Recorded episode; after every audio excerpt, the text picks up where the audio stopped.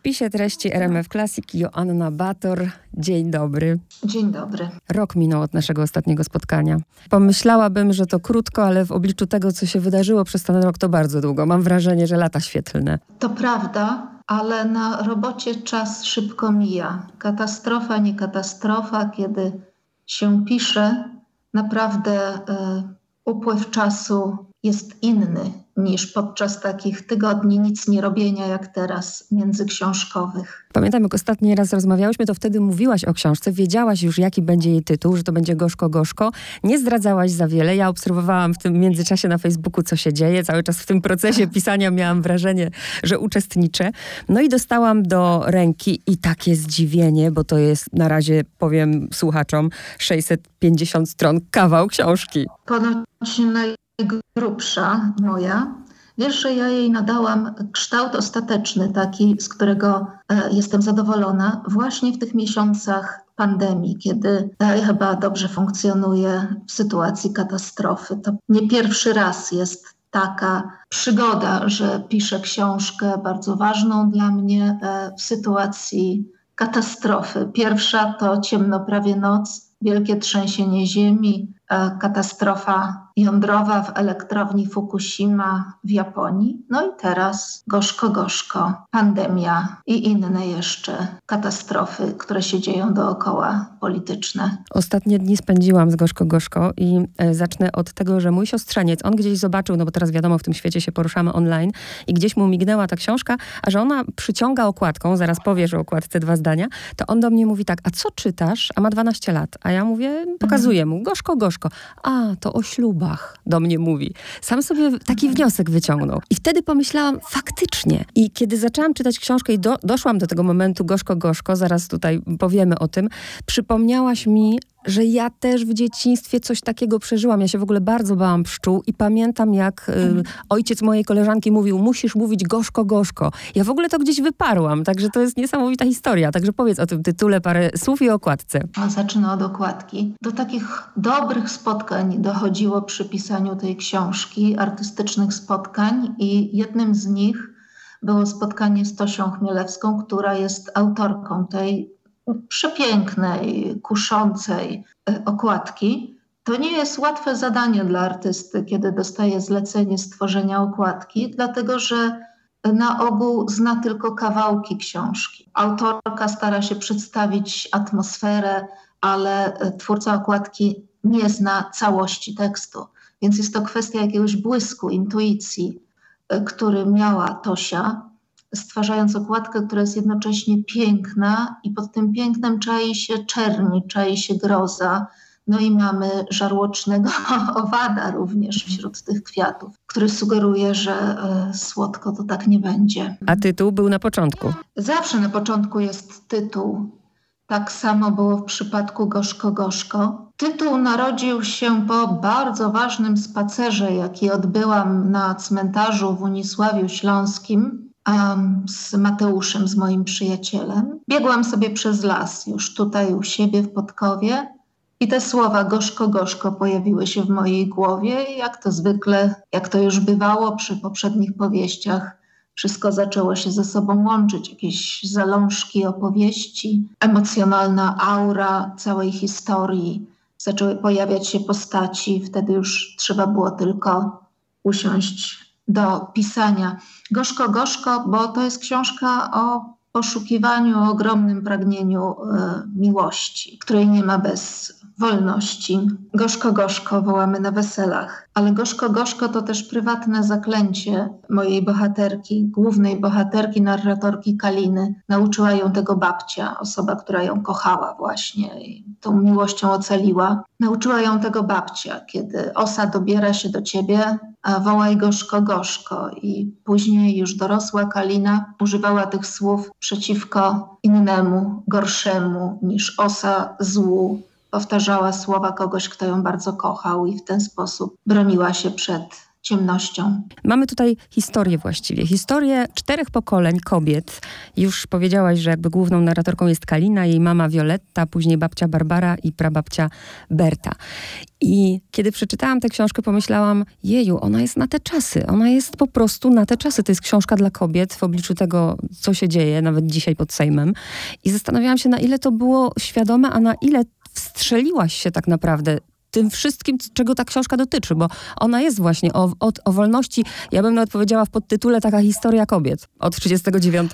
Myślę, że twórcom zdarzają się takie iluminacje. Nie dzieje się to często, ale, ale zdarza się, jest wielkie, chociaż czasami by się miało ochotę nie mieć racji. Tak było w przypadku Ciemno prawie noc i myślę, że po raz drugi zdarzyło mi się to w przypadku Gorzko Gorzko. Ja oczywiście wiedziałam, miałam świadome intencje twórcze, że chcę napisać książkę o tym, e, jak e, cztery pokolenia kobiet dążą do wolności, jak próbują e, zdobyć ją w świecie bardzo nieprzychylnym wobec kobiet, poczynając od Berty, która wychowuje się w czasach faszystowskich, tuż przed wybuchem II wojny światowej jest Niemką, aż do y, Kaliny, która żyje współcześnie.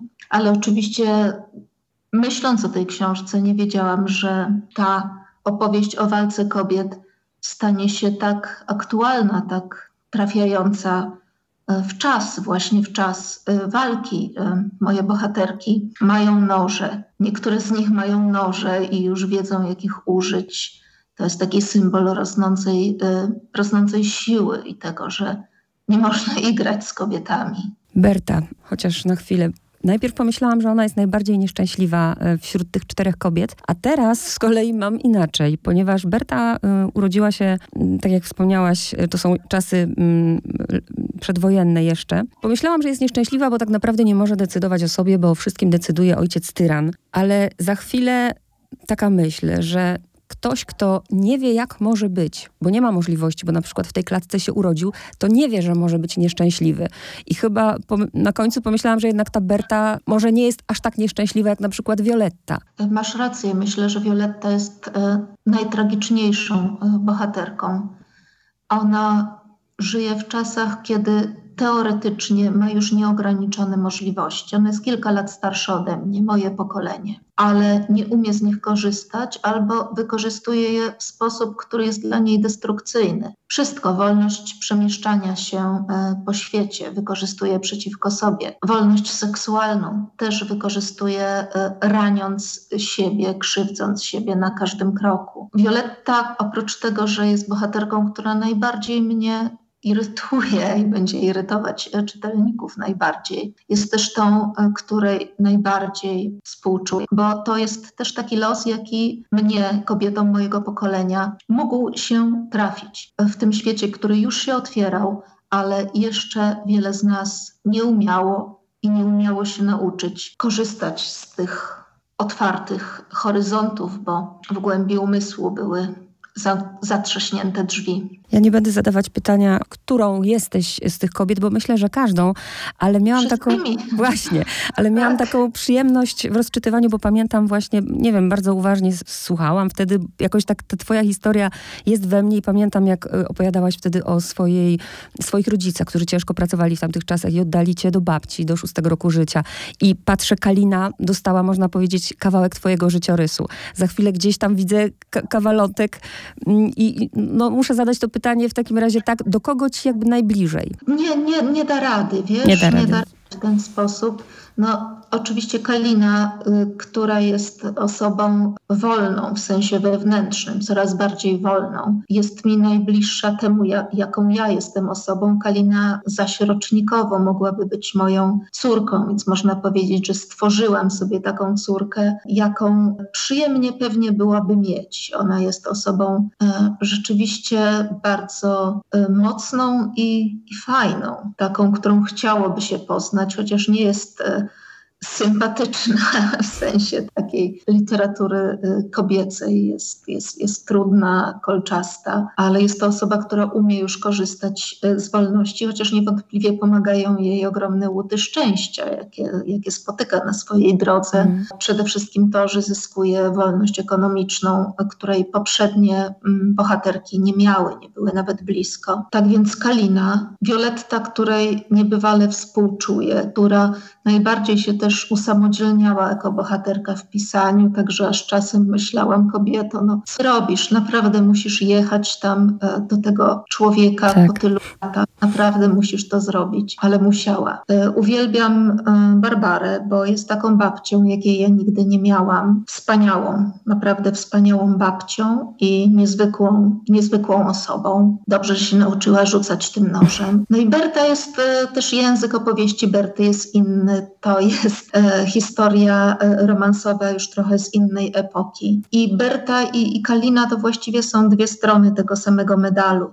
Mm, Berta jest taką osobą, jaką e, Kalina już się nie stała, bo miała ten cały świat możliwości u, u, swoich stóp i nauczyła się z niego korzystać. Też myślę o Barbarze, która, nie wiem czy mam rację, ale wydaje mi się, że nie miała możliwości, była tak straumatyzowana już od początku, od start tego życia już był taki, że te traumy były tak duże, że ona chyba nawet nie miała możliwości wyjścia. A ty pozwalasz y, Kalinie chociażby, pozwalasz zrobić ten krok dalej i Kalina ma szansę zacząć nowe życie, a krótko mówiąc, ta historia za nami się wlecze.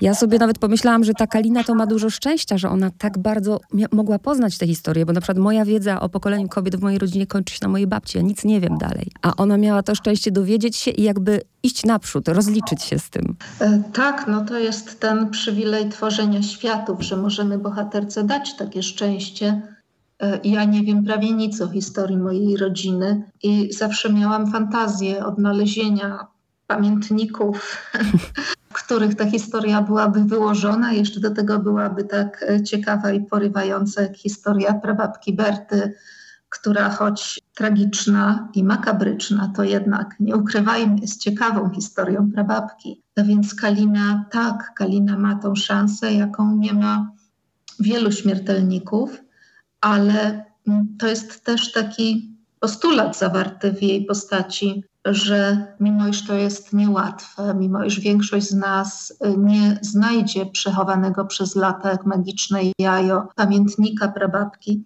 to, to warto próbować, żeby poznać skąd jesteśmy. W sensie emocjonalnym i w sensie historycznym, mm, zapoznania się z naszymi przodkami, kim byli, co robili, co nam to dało, co nam to odebrało. Ja jestem przekonana, że, że warto próbować, że to wzbogaca, samo takie próbowanie e, wzbogaca każda podróż, no to jest podróż w przeszłość. Nie da się tak naprawdę żyć. Oczywiście, że można żyć, ale to życie wtedy będzie, no tak jak y, Violetta cały czas powtarza ten sam schemat, myśląc, że efekt będzie inny. Że jak nie dojdziemy i nie zrobimy tego porządku, nie posprzątamy, to albo to życie jest kwestią przypadku takiego, albo powtarzania tych schematów zakorzenionych gdzieś w nas. No tak, to jest też książka o transgeneracyjnej traumie. Kalina jest tą kobietą e, w rzędzie czterech kobiet, która wkłada głowę do krypty, zagląda, co tam się wydarzyło, jaki straszny ciężar w nieświadomości niosą te kobiety, co je rani, co im nie pozwala się uwolnić, co im każe powtarzać takie same głupie błędy, jakie powtarza Violetta, pakując się raz po raz identyczną sytuację, z której właśnie wyszła poturbowana i znowu taka sama. I znowu, i znowu. Słyszę kotka. Jak fajnie. Przyszło. Super, przyszło? cudownie. Przyszła Nena do nas. Je też obserwuję na Instagramie, przecież jak one urosły. To zabawa, że jest kotek aportujący. Znaczy mysz jest zabawką, to nie jest... No, no. O, ale, ale a propos, skoro pojawił się ten temat, to też pomyślałam, że tak, y, każdy, każdy będzie czytał twoją książkę inaczej. Ja ją odebrałam bardzo, bardzo jako właśnie historię kobiet i, i to do mnie trafiło, ale niektórzy być może przeczytają ją nawet jako kryminał, bo mamy tutaj zbrodnie, mm, że to jest książka, dosłownie mówię, z krwi i kości. I zaskoczyło mnie to, naprawdę mnie to zaskoczyło, bo do Janny Bator zupełnie mi to nie pasowało. I ja sobie próbowałam wyobrażać, e, czy ty musiałaś zdobywać jakąś specjalną wiedzę na temat, mówię teraz o świniobiciu, o, o tych wszystkich y, co do czego, o peklowaniu. To była wiedza, którą ty po prostu na potrzeby tej książki musiałaś posiąść? A tak, w tym wypadku zdecydowanie potrzebne były e, badania odpowiednich źródeł, dlatego że takiej wiedzy nie posiadałam. E, nie były to badania dogłębne, więc osoby z branży mięsnej z pewnością by mi miały do zarzucenia jakieś błędy. Przepisy zaś, e, duża ich część jest po prostu dziełem mojej wyobraźni, którą akurat w sferze kulinarnej mam ogromną. I tyle było tego researchu. Dotyczył branży mięsnej.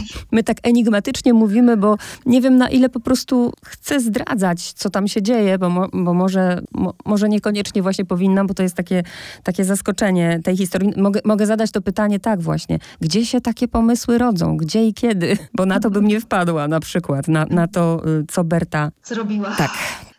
Na początku był spacer, o którym już wspomniałam w naszej rozmowie. Spacer po cmentarzu w Unisławiu paskudna pogoda, jedna z przepięknych pór roku. To był albo listopad, albo marzec. Muszę się dopytać moich przyjaciół, oni będą pamiętać lepiej. I usłyszałam pewną historię prawdziwą, która się wydarzyła w tej wiosce um, dawno temu. Też nie będę zdradzać jaką, bo myślę, że już za dużo spoilerowałam w wywiadach. Krwawą historię, straszną i niebywale inspirującą. Cała prawda historyczna, kiedy to się wydarzyło, kto to zrobił, nie miała dla mnie znaczenia, tylko sam akt. Straszliwy, krwawy akt dokonany przez pewną młodą kobietę. Przeniosłam to w czasie, całą resztę wymyśliłam. Ale ten spacer i pewna prawdziwa historia stała się tym ziarenkiem, z którego gorzko, gorzko tak naprawdę wykiełkowało w taką ogromną objętościowo y, historię czterech przeplatających się wątków kobiecych. Tak, ale to aż nie, niewiarygodne, że to by się mogło wydarzyć, bo o ile trudno mi Bertę było zrozumieć, może i też ze względu na, na ten czas odległy, o tyle Barbarę, bo tutaj tyle możemy zdradzić, że to nie jest jedyna zbrodnia w tej książce, o tyle Barbarę rozumiałam, nawet sobie pomyślałam, czy wszystko jest ze mną w porządku, bo chyba bym nawet przyłożyła rękę do tego. Ja z całą pewnością to nie, nie mam złudzeń, że w sytuacji Barbary zrobiłabym to samo, tylko że myślę, że dużo wcześniej. Chciałam pokazać e, na przykładzie Berty, że czasem jest po prostu za wcześnie, za wcześnie na rewolucję. I ten e, jakoś wspaniały, bardzo odważny, choć straszliwy czyn Berty poszedł na marne.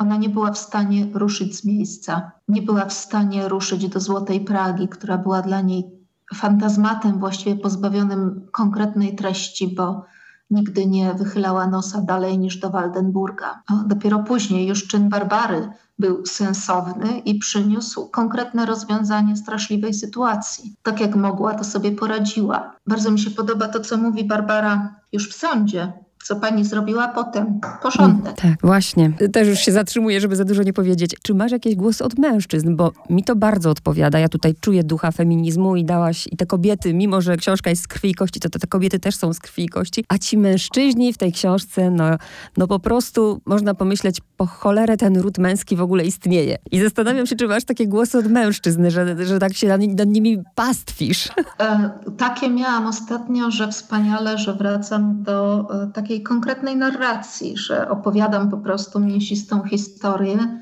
Myślę, że do faktu, że mężczyźni w moich opowieściach są bytami bardziej kruchymi, mniej wydarzonymi, to jest coś, co po prostu moi czytelnicy już wiedzą. Myślę, że co najmniej dwóch jest przyjemnych bohaterów, ale nie mam wątpliwości, że są tak samo e, mocni, pełnokrwiści jak Barbara, Kalina, Violetta, Berta. Mówię tutaj o Karolu mm -hmm, i tak. o e, weterynarzu. To są, to są mężczyźni, którzy budzą pewne nadzieje, że nie wszystko stracone. To prawda, Karola bardzo lubiłam i też udało ci się tę scenę zbudować, kiedy Violetta jedzie się z nim spotkać po latach, to ja czułam autentycznie, jakbym tam stała na tym podwórku i się wstydziła za nią, że ona tam jest. To...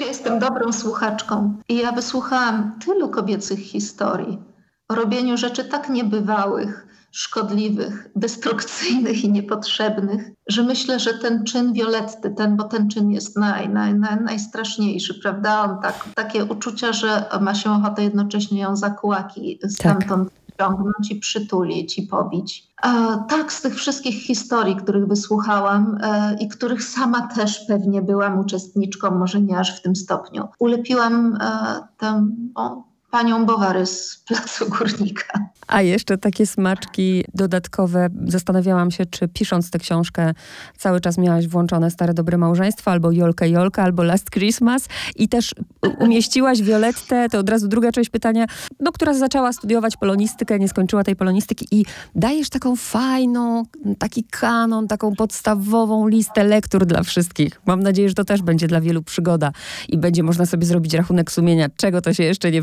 przeczytało. Z muzyką miałam problem, wiesz, bo oczywiście musiałam sięgnąć do od czasów licealnych niesłuchanego e, Starego Dobrego Małżeństwa i innych wykonawców utworów Stachury i nie dałam rady.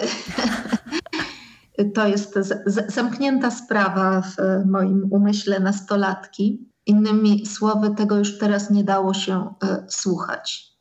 Jolka Jolka to jest utwór, który ciągle mi towarzyszy e, w samochodzie niekiedy, do którego mam ogromny sentyment. A Last Christmas oczywiście wysłuchałam po to, żeby e, móc napisać fonetycznie w tym fragmencie, w którym e, moje bohaterki fantazjują o George'u Michaelu. Natomiast przy tej książce bardziej niż przy poprzednich potrzebowałam ciszy. O wiele mniej było muzyki, w ogóle. A z listą lektur, którą dałaś Violetcie, to też właśnie jest takie niesamowite, że ona, Berta, przecież nie miała takiej możliwości, karmiła się zupełnie inną lekturą, a Violetta, właśnie tak jak powiedziałaś, miała tyle możliwości, nawet takich czytelniczych i nie skorzystała z nich. Ona miała, miała aspiracje, miała ambicje, które zamierały zawsze jakoś w pół drogi. Miała też potencjał, bo jednak dostała się na polonistykę, jednak jakoś sobie radziła, ale miała w sobie też taką odziedziczoną przez z poprzednich pokoleń bierność i przekonanie, że y, nie da rady. Podobnie jak Barbara y, wyszła z egzaminu do technikum, tak samo Violetta w pewnym momencie po prostu porzuciła studia. Decyzja, którą, żeby zrozumieć, trzeba poznać całe historię tych kobiet, które się ze sobą łączą, bo racjonalnie to właściwie dlaczego? Przecież miała możliwości, miała jakieś zdolności. E, dlaczego porzuciła te wspaniałe książki i zaczęła karmić się tylko jakąś koszmarną pulpą? Dlatego, że Berta, dlatego, że Barbara, dlatego że lata niemiłości. A kończąc naszą rozmowę, bo pewnie mogłabym długo rozmawiać i długo i chciała, ale żeby to jakoś zamknąć, powiedziałaś, że Bertę, chciałaś pokazać Bertą, że to nie jest czas na rewolucję i ja tak, Boże, i te nutrie, które się tam pojawiają, dla mnie wszystko jest takie jakieś, że nawet się zastanawiałam, przecież pisałaś tę książkę dużo wcześniej od tych wydarzeń, które się dzieją. Moje pytanie jest takie, że teraz y, nie obrazisz się, jeśli odbiorą tę książkę y, tak, że tą książką Janna Bator na przykład pokazuje, że tak, to jest czas na rewolucję. To jest czas na rewolucję i niektóre z nas mają ostre noże. Tak jest. Może sobie, może się gdzieś kiedyś spotkamy, żeby porzucać. Y, zapraszam, zapraszam. Do mojego ogrodu zrobimy sobie tarczę z czyjąś twarzą. To już nie wchodźmy w to głębiej. Bo nam nie puszczą. Joanna Bator, dziękuję bardzo. Dziękuję bardzo.